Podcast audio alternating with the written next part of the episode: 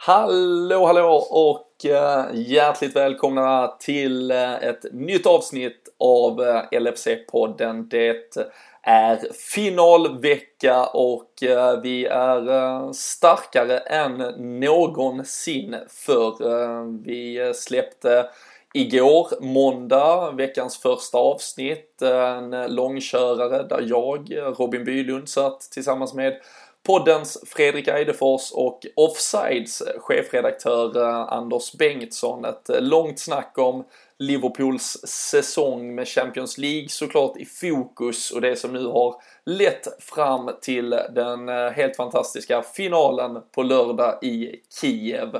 Det är ett specialavsnitt men jag hoppas att ni alla redan har signat upp er Annars eh, gör det. In på podmi.com. Eh, det är ju gratis att eh, prova på och då kan man härja runt i en månad, ta igen sånt man har missat. Vårt avsnitt med Erik Niva till exempel, intervju med Kristoffer Petersson, gamla Liverpool-spelaren och mycket annat. Men framförallt en riktigt matnyttig första uppladdning inför lördagens final.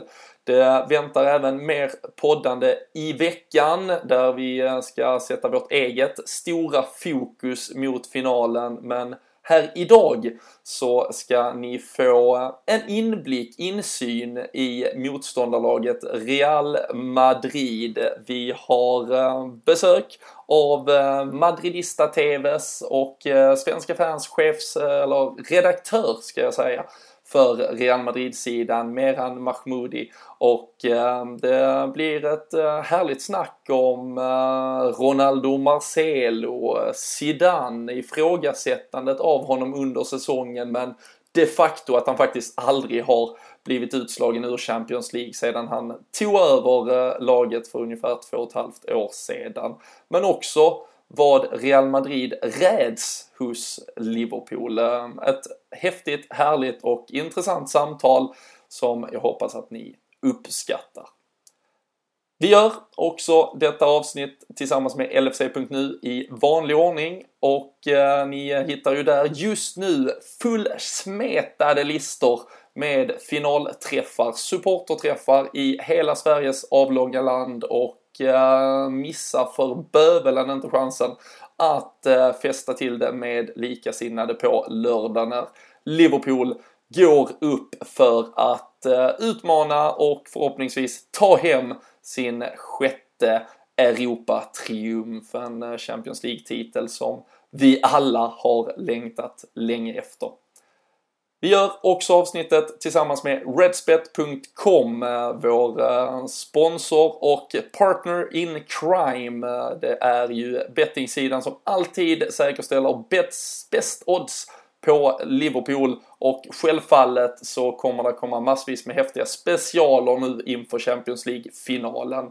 Så signa upp er på redspet.com. Välj LFC-podden som er lilla branch. Så ser ni också till att eh, ert eventuella förlustdel eller i alla fall det nettoöverskott som tillfaller Redspet går ner i kassan hos eh, behövande i Liverpool helt enkelt. Det är ju hela affärsidén med Redspet.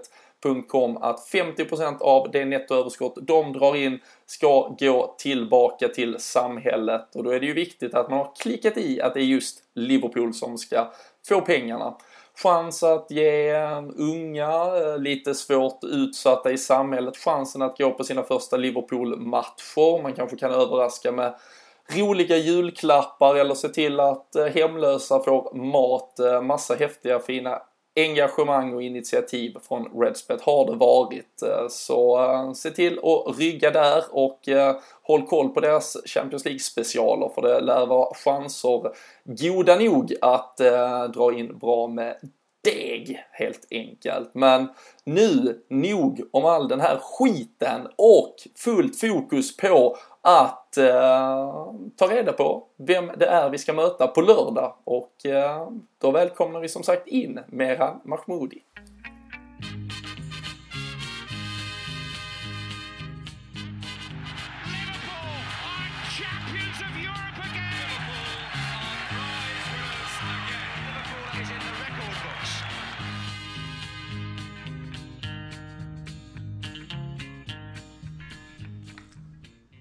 Ja, då eh, sitter vi eh, här igen. Bara eh, 24 timmar sedan senast. Det är ju nedräkning utan dess like till lördag till 2045 avspark i Kiev.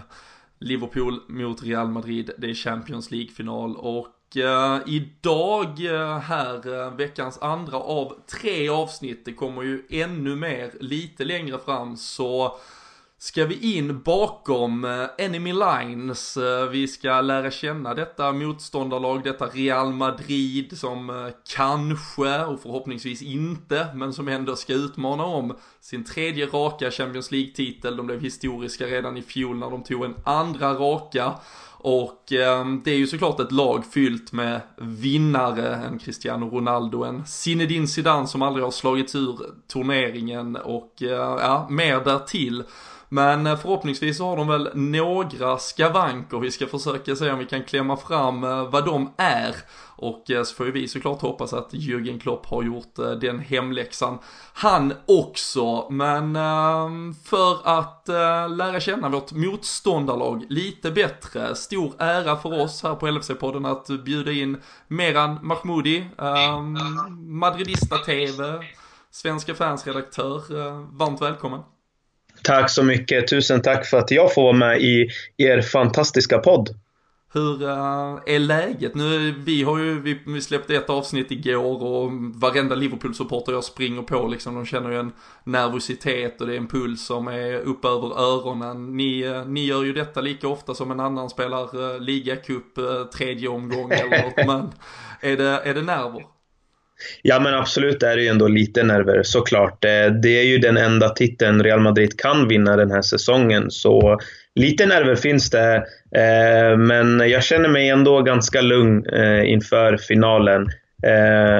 Och det, vi har ju varit i två finaler som du säger tidigare så ja, det ska bli riktigt kul. Mm. Nej, det, ja det är en lyx som jag hoppas att vi Liverpool-supportrar med tiden förtjänar att uh, bara vara sådär lagom nervös inför en Champions League-final. Men, ja, det hoppas jag med. Du, du kan väl berätta lite mer om dig själv, vad det är du gör mm. med tanke på att ja, du, du är ungefär lika nördig i, inom Real Madrid-kretsar som jag tror att vi är vad gäller Liverpool. Mm, absolut. Eh, jag är redaktör på Svenska fans för Real Madrid-sidan. Eh, där har vi gjort en podcast som heter Bastardos con Gloria. Eh, vi har haft med väldigt många gäster. Men sen kör jag också något som heter då Madridista TV som finns på Youtube. Eh, det är en fan-TV-kanal där vi pratar om Real Madrid vecka in, vecka ut. Eh, och eh, ja, så det blir väldigt mycket Real Madrid helt enkelt. Mm. Och eh, som sagt, bortskämda har ni varit med framgång de senaste åren. Hur, eh, hur kom eh, mm. kärleken till Real Madrid till dig en gång i tiden? Eh, för mig började faktiskt eh, via min äldre bror. Han och jag gillade att tävla mot varandra så Eh, jag har inte samma historia som rätt många andra har, att de hoppar på tåget så att säga. Utan det var faktiskt så att han sa så här. Eh, jag håller på Barca och du håller på Real Madrid. Och så sa jag till honom, nej men du ljuger. De är säkert inte ens bra. Du vill bara att jag ska hålla på ett riktigt dåligt lag. Sen sa han, nej men jag lovar, de är riktigt bra. Men så sa jag, ja men okej, de har vita färger, det verkar coolt. Ja men eh, vi kör på Real Madrid. Så det var så det kom fram faktiskt. Jävla tur att han inte sålde in typ Swansea eller något sånt, också vita tröjor. Eller, eller hur? Ja, det hade blivit jobbigt, absolut. Eh, tack och lov att det var de rätta vita färgerna. Ja. Eh, ja. Um, såklart då ett, ett långt supporterskap som oavsett om man nu kan prata om att ni är uppe på en eh, ja, enorm gräddhylla, uh, kanske ett av de, ja, mycket möjligt det mest framgångsrika klubblags upplagan man kan, eh, ja som det kanske kommer kunna minnas eh, vad, vad det lider här men eh, hur har ditt supporterskap, din resa liksom årgångarna fram och tillbaka varit till och relationen till det här Real Madrid. Det har ju inte heller varit en ja, utifrån sett kan man väl säga det som en lite halvlyxig tillvaro men ni har väl stötts och blötts ni också likt alla andra supportrar. Absolut. Eh, man kan alltid få en, eh, tyvärr, en ytlig bild av Real Madrid. Och det kan vara då att man tror att ja, men allt har varit eh, en dans på rosor. Men så har det faktiskt inte varit. Utan när jag började hålla på Real Madrid, det var ju 1997-98. Visst, där var det Pedrag Mijatovic som avgjorde Champions League-finalen mot Juventus. Men det kom en väldigt tuff period. 12 år utan en Champions League-titel. Och eh, vi alla vet ju att en Champions League-titel för en eh, madridista är det största som faktiskt finns. Och eh, Sen har man haft olika turer med presidenter. Det har varit eh, mycket upp och ner. Eh, så det har absolut eh, funnits mörka tider. Åttondelsfinalspöket för Madristas Eh, som, eller för de som inte är madrista, som kanske inte känner till det, men Real Madrid tog sig inte vidare från en åttondel på åtta år. Eh, så att eh, absolut har det funnits tuffa tider, men eh, nu är det ljusare tider med Zidane vid rodret. Mm. Vi var, jag, Vi var, jag, jag, jag nämnde det här i början. Han, han har ju, har ju uh, fortfarande inte åkt ur. Nej. Champions League. Nej, det är bisarrt. Och eh, bland såklart många fantastiska tränare och liksom en han har sin historia som spelare också, men det känns från sidlinjen, alltså om jag ser på det utifrån så har han ändå i, i omgångar varit, jag ska inte säga i men hur, hur har han, hans liksom ledarskap och så här egentligen behandlats från Real Madrid-supportrar och Madrid-håll? Är han, en, liksom, är han längst upp på toppen nu eller är det fortfarande frågetecken kring honom? Jag tror att eh, kärleken till Zidane är enorm bland alla madridistas, men det har varit en, eh, det har varit en tuff säsong den här säsongen, tro det eller ej. Fast man är i Champions League-final. Eh, men ja, det finns vissa supportrar som än idag ifrågasätter Zidane. Eh, menar att hans taktiskt kunnande kanske inte är alltid på topp eh, och att eh, han har ingen struktur, ingen, det finns inget grundspel som diskuteras väldigt flitigt idag i toppfotbollen, att man ska ha ett grundspel. Och ja, det finns vissa som faktiskt tvekar fortfarande på Zidane, men han tystar ju kritikerna år efter år som han har nu suttit på tränarposten. Skulle du säga ändå inifrån ett liksom Real Madrid-perspektiv att där ligger någon sanning för det som jag känner har varit en otrolig styrka hos honom är ju att han har fått alla de här stjärnorna att eh, liksom ta sitt jobb, ta sina roller och så vidare. Uh, är, är det ändå hans absolut största styrka om man nu vill alltså, ge lite vatten på kvarnen åt de som ifrågasätter det, hans taktiska kunnande? Är det fortfarande att det faktiskt är ett steg ner och att det är den här andra delen som handlar om att ja, det har varit mycket liv i Sverige kring gruppdynamik till exempel, men att han har lyckats av att hantera det till skillnad från kanske en Benitez, en Mourinho med flera de senaste åren.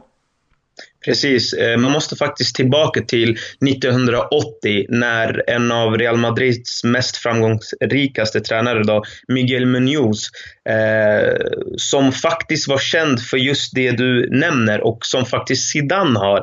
Att eh, han kunde ta hand om stjärnorna i omklädningsrummet och eh, så har det verkligen varit för Zidane. Att Eh, det är harmoni och Real Madrid är en väldigt unik klubb. Det finns inte så mycket utrymme för att men här ska vi satsa på ett grundspel och filosofi och så ska en tränare föra vidare det här då. Efter några säsonger så ska det ge ett utfall. Nej, här gäller det att plocka en titel på en gång och då är ju såklart det bästa sättet för Zidane att få de här stjärnorna att spela ihop. De är ju redan på en sån hög nivå Absolut så ska taktik finnas, men i Real Madrid, eh, så, klubben är, så som klubben är uppbyggd, då behövs det en tränare som kan faktiskt bidra med just, som du säger, harmoni, gruppdynamik, som faktiskt blir väldigt viktigt just i Real Madrids fall. Mm. Du, det var samtidigt, om man tittar utifrån så, så blåste det ju faktiskt eh, rejält i höstas. Ni, ni kom ju lite på eh, efterkälken i eh, La Liga-spelet ganska tidigt. Sen kan man väl orda kring om det har prioriterats och nedprioriterats med tiden. Det var ett Barcelona som däremot såg kanske sin stora chans att göra något häftigt och historiskt eh, i La Liga däremot, men 17 poäng efter Barcelona i La Liga, eh, missar kupptiteln, hur, hur man nu än ska väga in den. Var tror du det landar i om ni nu inte vinner Champions League här eh, på lördag? Eh, kommer ni sitta och vara oerhört besvikna på säsongen då? Jag personligen skulle inte vara det, men jag tror att eh, rätt många madridistas där ute skulle faktiskt vara det. Men så här är det för mig. Va? Real Madrid började säsongen uselt. Eh, målskyttet var inte där. En iskall Benzema, en Cristiano Ronaldo som var avstängd de första fem matcherna. Kom inte heller igång. Kom igång ganska sent. Eh, så att ja, jag, jag tror som sagt att oavsett hur det än går så kommer i alla fall Zidane sitta kvar vid posten och eh, för mig var PSG-matchen, den var verkligen viktigast. Eh, Zidane hade kniven mot strupen och eh, många ville att Zidane skulle lämna klubben faktiskt. Eh, tittar man på diverse forum, sociala medier, så var det många kritiker mot Zidane där och då. Men han tog sig förbi PSG, tog sig förbi Juventus, tog sig förbi Bayern München och nu står vi här mot eh, Liverpool. För mig är den här finalen faktiskt en bonus. För ska man vara helt ärlig, när man tittade på Real Madrid innan PSG, då tänkte man att ah, det här blir en mellansäsong. Och att en mellansäsong innebär en Champions League-final, det tror jag 99% av alla fotbollsklubbar i Europa skulle ta. Ja, äh, äh, men verkligen. Herregud, det är ju det är helt fantastiskt. Och eh, Tittar man på eh, det, det som kanske kritikerna eller supportrar till andra lag, framförallt i England nu vill eh, lite sådär peka finger på mot Liverpools resa fram till den här Champions League-finalen så är det ju att vi fick en ganska lätt grupp och att vi då har haft en ganska lätt väg. Vi hade Porto, ja. sen hade vi visserligen ett Manchester City som, som många nog såg som en av utmanarna till titeln och sen så fick vi då ett, ett Roma i semifinal. Eh, vi var ju faktiskt en millimeter ifrån att komma i Real Madrids grupp. Det stod mellan Liverpool och Tottenham som skulle in där i det som blev lite eh, liksom ja, dödens grupp om vi ska eh, VM-grupp referera. Och eh, ni då däremot eh, tagit er förbi en grupp först med Tottenham och Dortmund där visserligen Tottenham faktiskt satte er på ganska stora problem. Du var inne på att ni såklart var i en, en form som kanske inte är det som ni är i idag. Men eh, vad, vad, vad minns du från de två matcherna mot Tottenham som också har ett omställningsspel som till viss del liknar Liverpool-spel? Ja, men eh, det är ju eh, som du säger, eh, Pochettino läste av sidan väldigt bra. Real Madrid-spelarna eh, mätta kändes det som. Eh, och eh, ja, taktiskt avklädda och omställningarna. Eh, jag kommer ihåg att eh, Harry Kane och grabbarna, Eriksen, Delali, eh, de hittade ut, yt, ytorna bakom eh, Real Madrids backlinje och mittfält. Och eh, vi hängde helt enkelt inte med. Och eh, Zidane, där är det ju någonting taktiskt som man kan diskutera. Det är ju att han gillar att... Det, det blir en gryta eh, och eh, sen vet man inte riktigt vad man får av Zidane. Eh, det är det som är det konstiga med Zidane. Titta, till och med vi madristas, vi vet inte vad det är han gör. Han har någon voodoo-kvinna i Haiti. Jag vet inte. Eh, ja, det, det, är någonting. Eh, så ja, men du har helt rätt. Det var omställningsspelet och Real Madrid, de är, de, de, det är så mycket kaos. Och det blir mycket High Chaparral och någonstans så kommer man ändå ur vinnande. Hur? Ja, ibland vet man inte bara.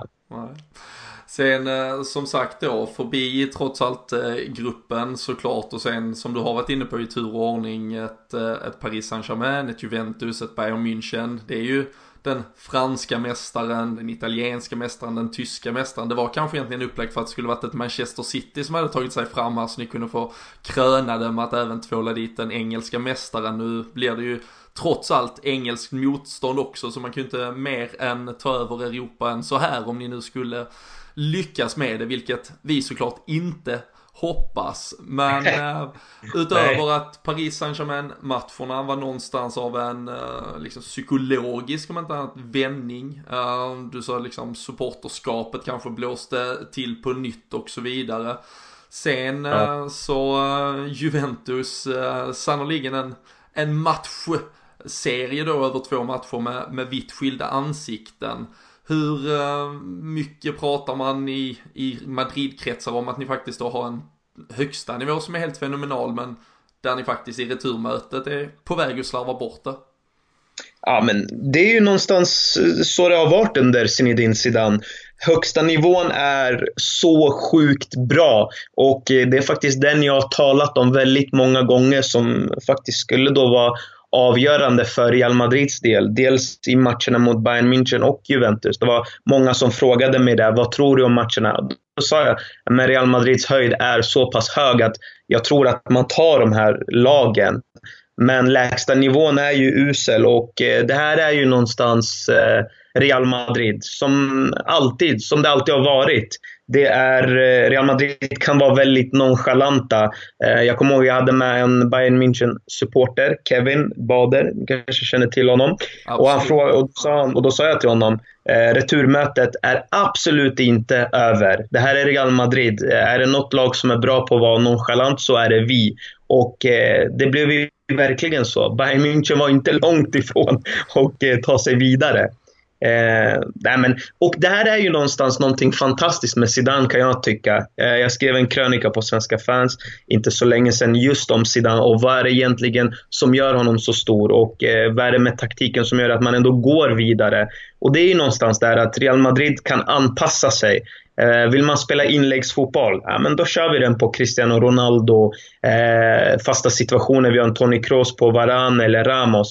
Ska vi köra omställningsspel? Absolut. Vi har Bale, vi har Asensio, vi har Lucas Vasquez, vi har Cristiano Ronaldo.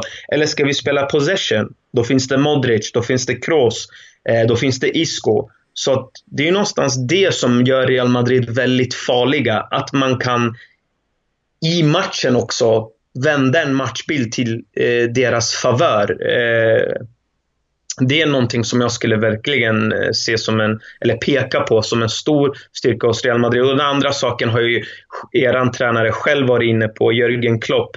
Eh, att när Real Madrid ligger under eller när det, när det blåser lite hett, eh, då är man inte Eh, som sagt, man, man blir inte helt panikslagna utan man är väldigt lugn, metodisk Eh, och eh, kvitterar och sen avgör. Och eh, det skulle jag nog säga också är den största styrkan under Zidans Real Madrid. Mm. Ja, jag, skulle, jag skulle komma till det och nu var du inne på den där mentala styrkan. Liverpool hade ju en, en femmålsledning först mot Roma, det blev till 5-2 efter första mötet och även när Roma behövde göra tre mål sista sju minuterna i stort sett och satt man som Liverpool-supporter och var livrädd. Ni var ju faktiskt till slut bara ett mål ifrån Bayern München där i, som ändå tryckte på de sista 10-15 i, i det dubbelmötet i semifinalen. Från att, från att slå ut er, eh, det skapar ju en del heta målchanser men hur mycket har det smittats av, alltså i bland både supportrar då, du är inne på att spelarna, och sitter ni med ett annat lugn eh, när, även när det är så, så tajt och tätt? Absolut, det har man sett många gånger under Zidane. Eh, och vi har ju sett eh, ganska roliga memes, som det så fint heter, och på Twitter och överallt. Eh, eh Zidane har en voodoo-kvinna någonstans, eller Zidane sitter med någon magiker och så vidare. Eh, det är ju någonting, jag vet inte själv faktiskt vad det är, helt ärligt talat. Eh, ibland så sitter man där och tänker, äh, nej, nu är det nog över. Och så är man ändå vidare. Och samma sak mot Juventus. Och samma sak mot PSG. Tittar man på alla de här tre matcherna. PSG dominerar 80 minuter på Santiago Bernabéu och det står då 1-1. Vad händer? 3-1 till Real Madrid. Vi fattar ingenting. Och så går vi till Juventus. Krossar Juventus. 3-0 på deras eh, hemmaplan. Men det var ett Juventus som hade 60 minuter av den matchen och då stod det bara 1-0. Och så är det 3-0. Och samma sak mot Bayern München. Totalt dominerad är vi av dem på Allianz Arena. De har gjort 1-0, men vi lämnar matchen med 2-1. Det är oförklarligt ibland. Jag vet inte. Mm. Nej, jag, jag, känner ju spontant att det någonstans är, antingen kan det ju såklart gå helt åt helvete om jag nu tittar på ett Liverpool-perspektiv, men samtidigt att, att möta er över, vi har pratat om det mycket i podden här, att, att möta ett lag med framförallt en spelare som Cristiano Ronaldo jag gör det hellre över bara 90 minuter än 180 i ett dubbelmöte. alltså förstår du hur jag menar? Att eh, har ni er, råkar ni ha er dåliga dag så kan man ju utnyttja det på ett annat sätt som där över 180 minuter, där har ni ju verkligen med er den här erfarenheten, rutinen, tryggheten. Absolut, det skulle jag också säga. Eh, jag tror att Liverpool eh, såklart eh, gynnas av att det är 90 minuter. Allt kan hända under 90 minuter. Och vet vi, om, eh, vi vet ju att det finns en tränare där ute som heter Jörgen Klopp som kan tända till sina mannar. Det har vi sett väldigt många gånger. Så som du säger, faller det rätt för Liverpool och eh, käpprätt åt skogen för Real Madrid så kan definitivt Liverpool vinna den här finalen. Jag ser den här finalen som 50-50. Eh, nu, vill man, nu vill jag inte prata som att eh, Real Madrid, att det beror på om man är bra eller dåliga, men det blir ju så eh, i slutändan. Gör, har Real Madrid sin höjd där, då är det väldigt få lag i Europa som kan mäta sig med Real Madrid, om något lag. Men har man en usel dag, eh, då, då, då slår en, eh, ah, då slår Swansea Real Madrid. Ja, precis. Um, ni har ju som sagt, ni, ni går upp nu i er tredje raka final. Um, Atletico Madrid, Juventus, nu Liverpool. Hur, uh, hur pratas det i supporterkretsar kring uh, just att möta Liverpool? Det är ju liksom Englands med, med nöd och näppe fjärde bästa lag om man ska titta till tabellposition och har ju varit utanför det europeiska finrummet väldigt länge. Så har vi såklart vår historia och så vidare.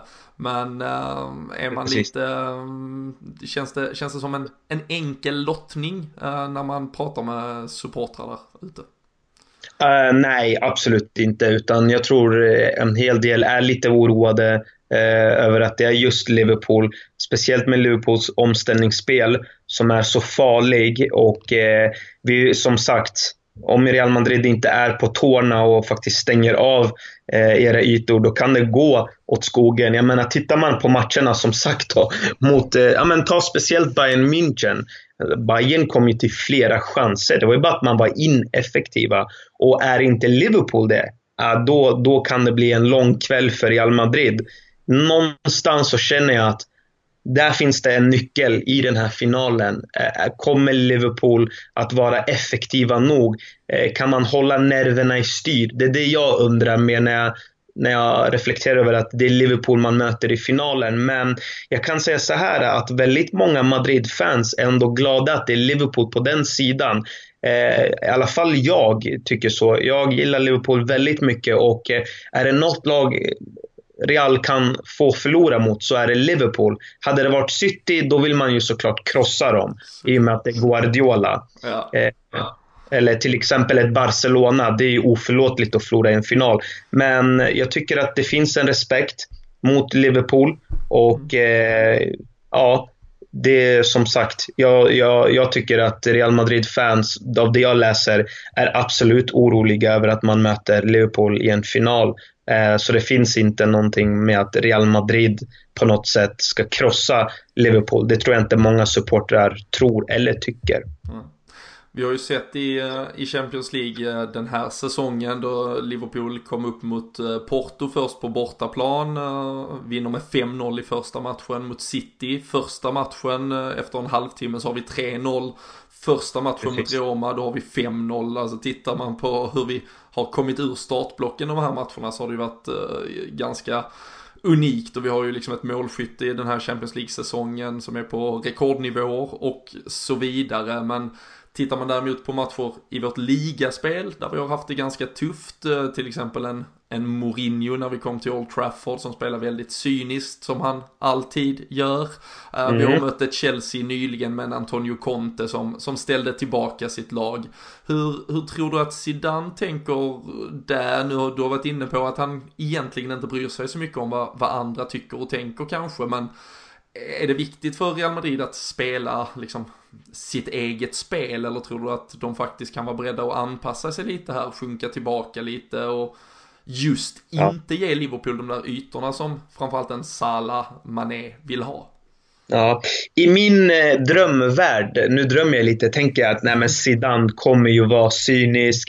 Han kommer stoppa Liverpools omställningsspel. Eh, jag har tittat väldigt mycket på Liverpool den här säsongen. Jag har alltid tittat mycket på Premier League, men just den här säsongen har jag följt Liverpool ganska mycket.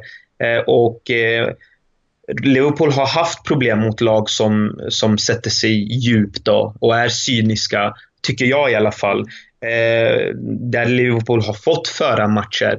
Eh, så att jag vill ju att Zidane ska vara cynisk lite och stänga av kanterna och, och ha, försöka vara så balanserad som möjligt. Men vet du vad? Det här är Zidans Real Madrid. Han kommer gå ut och köra. Det kommer vara en, en Salah kommer komma en mot en många gånger. Det kommer säkert Mané också göra och, det kommer, och Firmino kommer säkert kriga till sig någonting. Men som sagt, det blir det där sista om Liverpool har det i sig. För jag tror inte att Zidane på något sätt kommer... Ja, men han kommer ju såklart anpassa sig. Som sagt, det är en av hans styrkor att han under matchen kan se saker och ting. Och, och så förändrar han. Mm. Eh, inte minst till exempel mot PSG. Han tar in Casemiro i 80, 80 eller han tar ut Casemiro i 80 minuten när det står liksom 1-1. Där han egentligen kan spela på ett, ja, ett okej okay resultat och ta med sig till eh, Parc des Princes, men istället så väljer han att liksom eh, all in är det. Så att eh, jag tror Zidane kommer bara köra på. Mm. Ja. Ja, det, det, det, känns positivt från, uh, från ett Liverpool-perspektiv om vi, om vi mm. tittar i alla fall till vilka ja, uh, motståndare vi har haft lite enklare mot det och då lite svårare mot det. Du, du har varit inne på många namn här i, i det här Real Madrid-laget. En spelare som som Casemiro har ju varit eh, lite, om vi ska säga, han, han skäller ju aldrig de största rubrikerna men i viss mån lite rubrikerna som han kom ju trots allt in lite under Zidane, Zidane i hans linda och blev en otroligt viktig spelare. Nu har han inte varit lika eh, liksom omtyckt och, och använd på senaste tiden. Hur eh, tror du, om vi, vi kan börja egentligen nerifrån en, en Navas eh, i målet såklart, men hur tror du han ställer upp sitt lag eh, på lördag? Eh, jag tror att Carvajal spelar då högerback eh, och sen blir det då Varan och Ramos och Marcelo, så det är inga större överraskningar där. Carvajal är ju spelklar, spelade mot eh, Villarreal, så att där blir det inga problem. Mittfältet, jag tror att han kör på Modric, Kroos, Casemiro. Inga överraskningar där heller. Eh, egentligen så är det ju många diskussioner i Real Madrid-kretsar då kring offensiven, hur den kommer se ut. Vi vet ju att Cristiano Ronaldo i alla fall tar eh, vänsterkanten. Men eh, det är de andra två positionerna. Eh, jag tror att han kör med Benzema och Bale. Jag tror att BBC is back. Eh, Bale har varit väldigt formstark på sistone. Och eh, det känns som att i 4-3-3 behöver inte våra mittfältare jobba lika hårt. Eh, vi har till exempel sett när Real Madrid kör med en diamantform med Isco till exempel. Eh, ja, vi kan kontrollera matchen lite mer men vi tappar på kanterna och det är någonting man inte vill tappa mot Liverpool. Men så gjorde vi det mot Bayern München också, men det gick ju vägen. Men Ja, nej, jag tror som sagt på att BBC is back. Eh, det skulle faktiskt inte förvåna mig. Nej, det är spännande och då har ni ju en, en helt okej okay bänk att tillgå också. Men det betyder ju trots allt att eh, Zidans kelgris eh, Lukas Vasquez inte går att kofota in någonstans. Nej, precis. Eh, nej, precis. Lucas Vasquez. Eh, världens bästa eh, bänkspelare. Det är nya Ole Gunnar Solskär, vet du. Han har, han har väl, är han fortfarande, är han den som har spelat flest, eh, liksom, styckvis matcher under Zidane? Han har väl i stort sett kommit in i någon form i varje, i stort sett.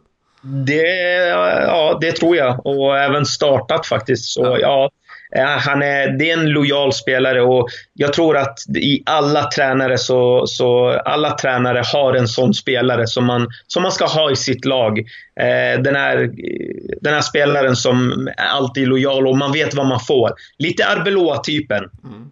Ja, de, eh, de älskar vi ju. Arbeloa har vi ju ett delat eh, kärleksöga till såklart som både Liverpool och Real Madrid supportrar. Men äh, jag hade ju hoppats att äh, han skulle spela högerback istället äh, som mot Bayern München. Då fick äh, Luka Modric göra ganska mycket extra arbete. Precis. Men Precis. det gjorde han visserligen med, med den äran. Men det är ju klart, som det ser ut nu, det är ju visst, det är ett ganska skadeskjutet Liverpool truppmässigt. Men, men det ser ju ut av allt att döma att båda lagen kommer komma till spel med det som ändå till mångt och mycket får anses vara deras bästa startelvor i alla fall. Ehm, Liverpool om vi ska titta till det som vi satt och pratade om i vår podd igår och det som jag tror egentligen alla eh, tänker och, och, tycker så är det en eh, Loris Karius i mål. Det är en Trent Alexander-Arnold, eh, 19-årig lokal högerback eh, och vi kan ju Precis. börja där som nu ska upp då mot en Cristiano Ronaldo med en överlappande Marcelo. Tror du eh, det är där eh, matchen ska avgöras från er sida eller kan du se andra delar i ert spel som eh, kan slå större hål på Liverpool? Mm. Ja, jag, jag, som sagt, jag, vet, jag, jag kan faktiskt Liverpool rätt bra och eh, jag vill ju såklart tacka Mohamed Salah för alla fantasypoängen. Eh, han valde man några gånger eh, som kapten i fantasy.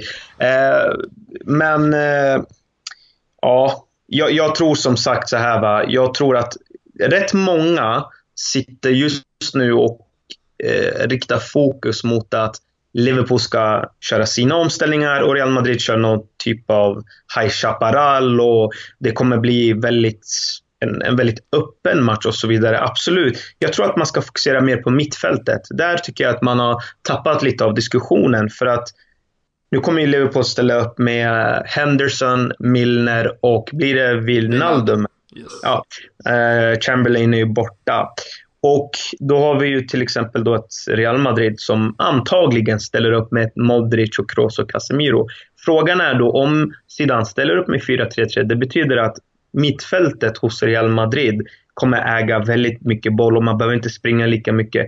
Frågan är då om, om Real Madrid lyckas få igång sitt spel då, om det inte missgynnar Liverpool och att istället blir det så att Salah och Mané trycks tillbaka och att de blir felvända. Och vi vet ju att Salah kan ändå göra någonting magiskt, men eh, det blir svårare. Så att jag tror att mittfältet kan bli en avgörande nyckel i den här matchen. Tillåts liksom Liverpool pressa sönder Real Madrids mittfält, ja, då är ju Real Madrid en cirkus. Då är det bara, då är det bara för eh, Liverpools mittfältare att slå den rätt snabbt upp på de tre där uppe. För det är ju någonstans så den här diskussionen har blivit. Det blir ju lite Sané, Firmino, Salah mot Real Ronaldo, ja, Benzema, Bale eller Isco eller Asensio eller vad det nu blir. Eh, och eh, jag tror att mittfältet, där har vi en, en diskussion till tror jag som blir väldigt avgörande. James Milner har ju uh, i, i snitt i stort sett sprungit två kilometer mer än uh, både medspelare och motståndare varje Champions League-match här och tvålar ju dessutom dit uh, Neymars assistrekord under en Champions League-säsong. Så han är ju kring i, i, i Liverpool-kretsar såklart kultspelare på, på alla sätt och vis. Du var inne på äh, Marcelo, det är väl den och, och Sala då i äh, motståndarlaget för vår del. Äh, många pratar ju om att den ytan såklart kommer finnas väldigt ofta. Vi såg så lite av Real Madrid mot Villarreal nu i helgen, man har sett det hända en del gånger för att där lämnas ytor. Tror du att han blir tvingas bli lite mer restriktiv i sitt offensiva spel eller finns det bara en växel i Marcelo? Mm. Ja men alltså så här, Marcello, det, eh, han blir man ju en gråhårig över. Eh, det är en hatkärlek man har till Marcello. Eh, ibland är han så pass bra att eh, man tänker att ja, men, spela anfallare också, det spelar väl ingen roll. Du är ju så pass bra. Men det är ju någonstans också man brukar ju skämta om att ja, men Marcelo, det kommer finnas mycket ytor där och nu ska vi vara rädda och det kommer släppas till väldigt mycket chanser därifrån. Och så trodde jag till exempel när Real Madrid först skulle ställas mot Mbappé. Då tänkte jag men någon måste ju ringa polisen. Det här kommer ju gå skogen.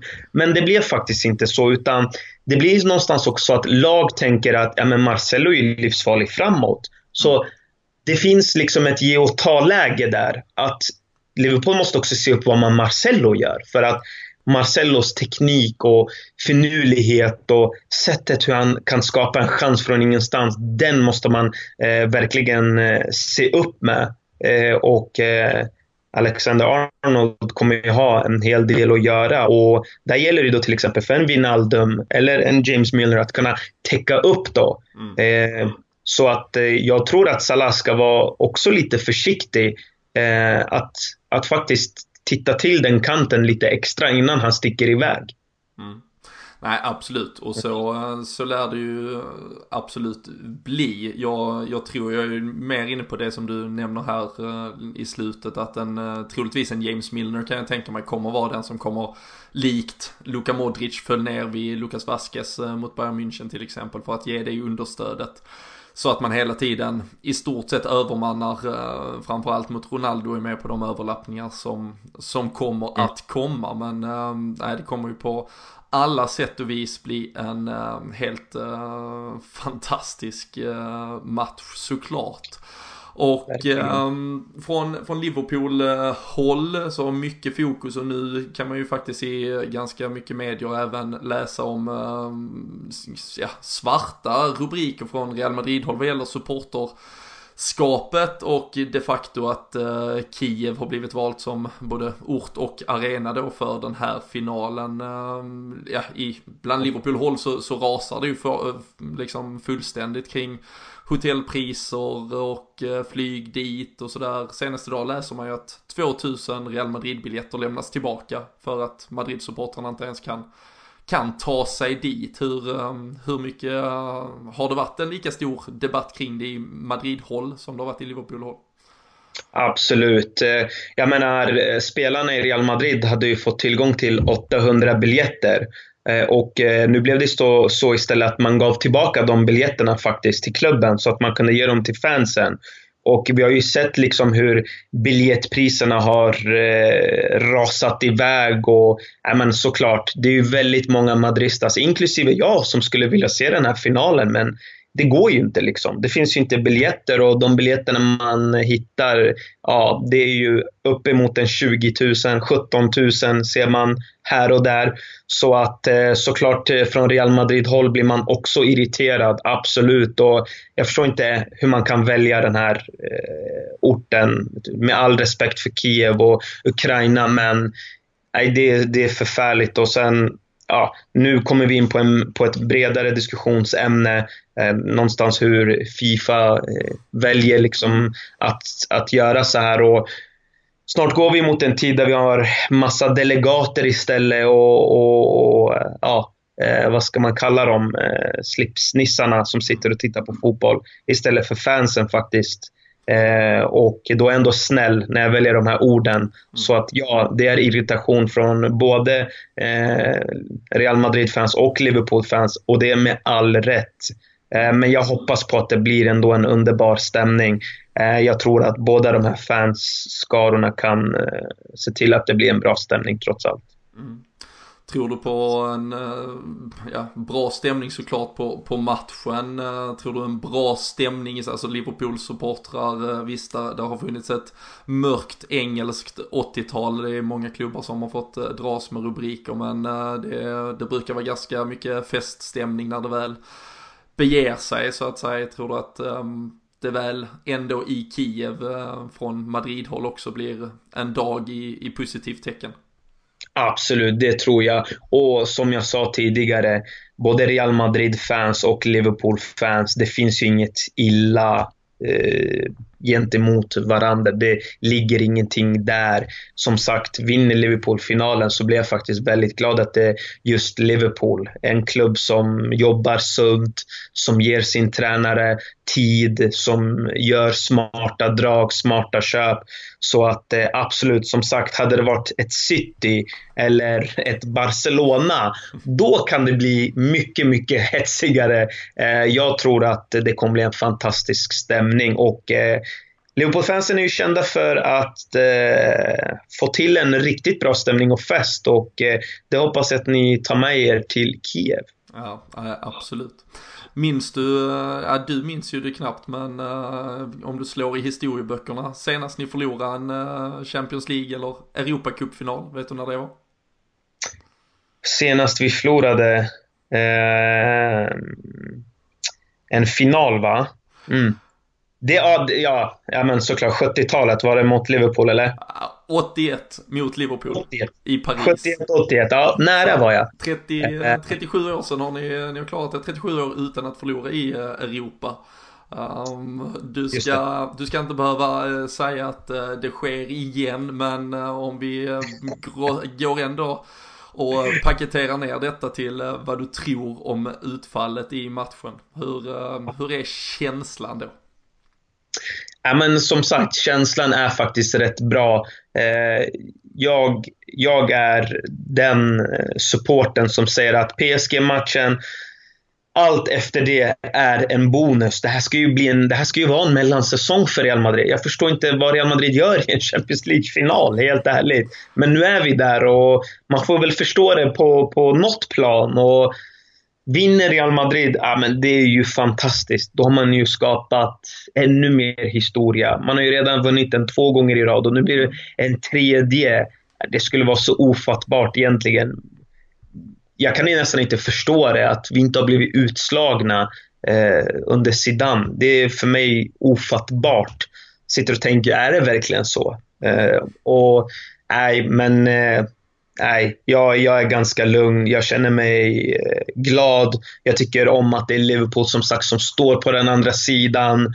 Eh, tack och lov så slog man ut City, vilket jag eh, gillar extra mycket när Guardiola sitter på tränarbänken till exempel.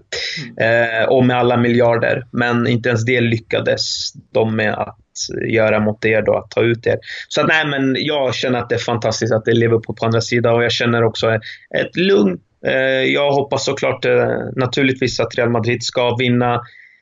Jag tror att Real Madrid eh, drar det längsta strået. Eh, nu hoppas jag inte få massa Liverpool, arga Liverpool-fans på mig. Jag älskar Liverpool som sagt. Eh, om ni har precis börjat lyssna. Men jag tror, jag, jag, tror att Real Madrids höjd är så pass stor och när det är Champions League, Real Madrid blir ett helt annat lag. Det, det, det är oförklarligt, men det blir ett helt annat lag.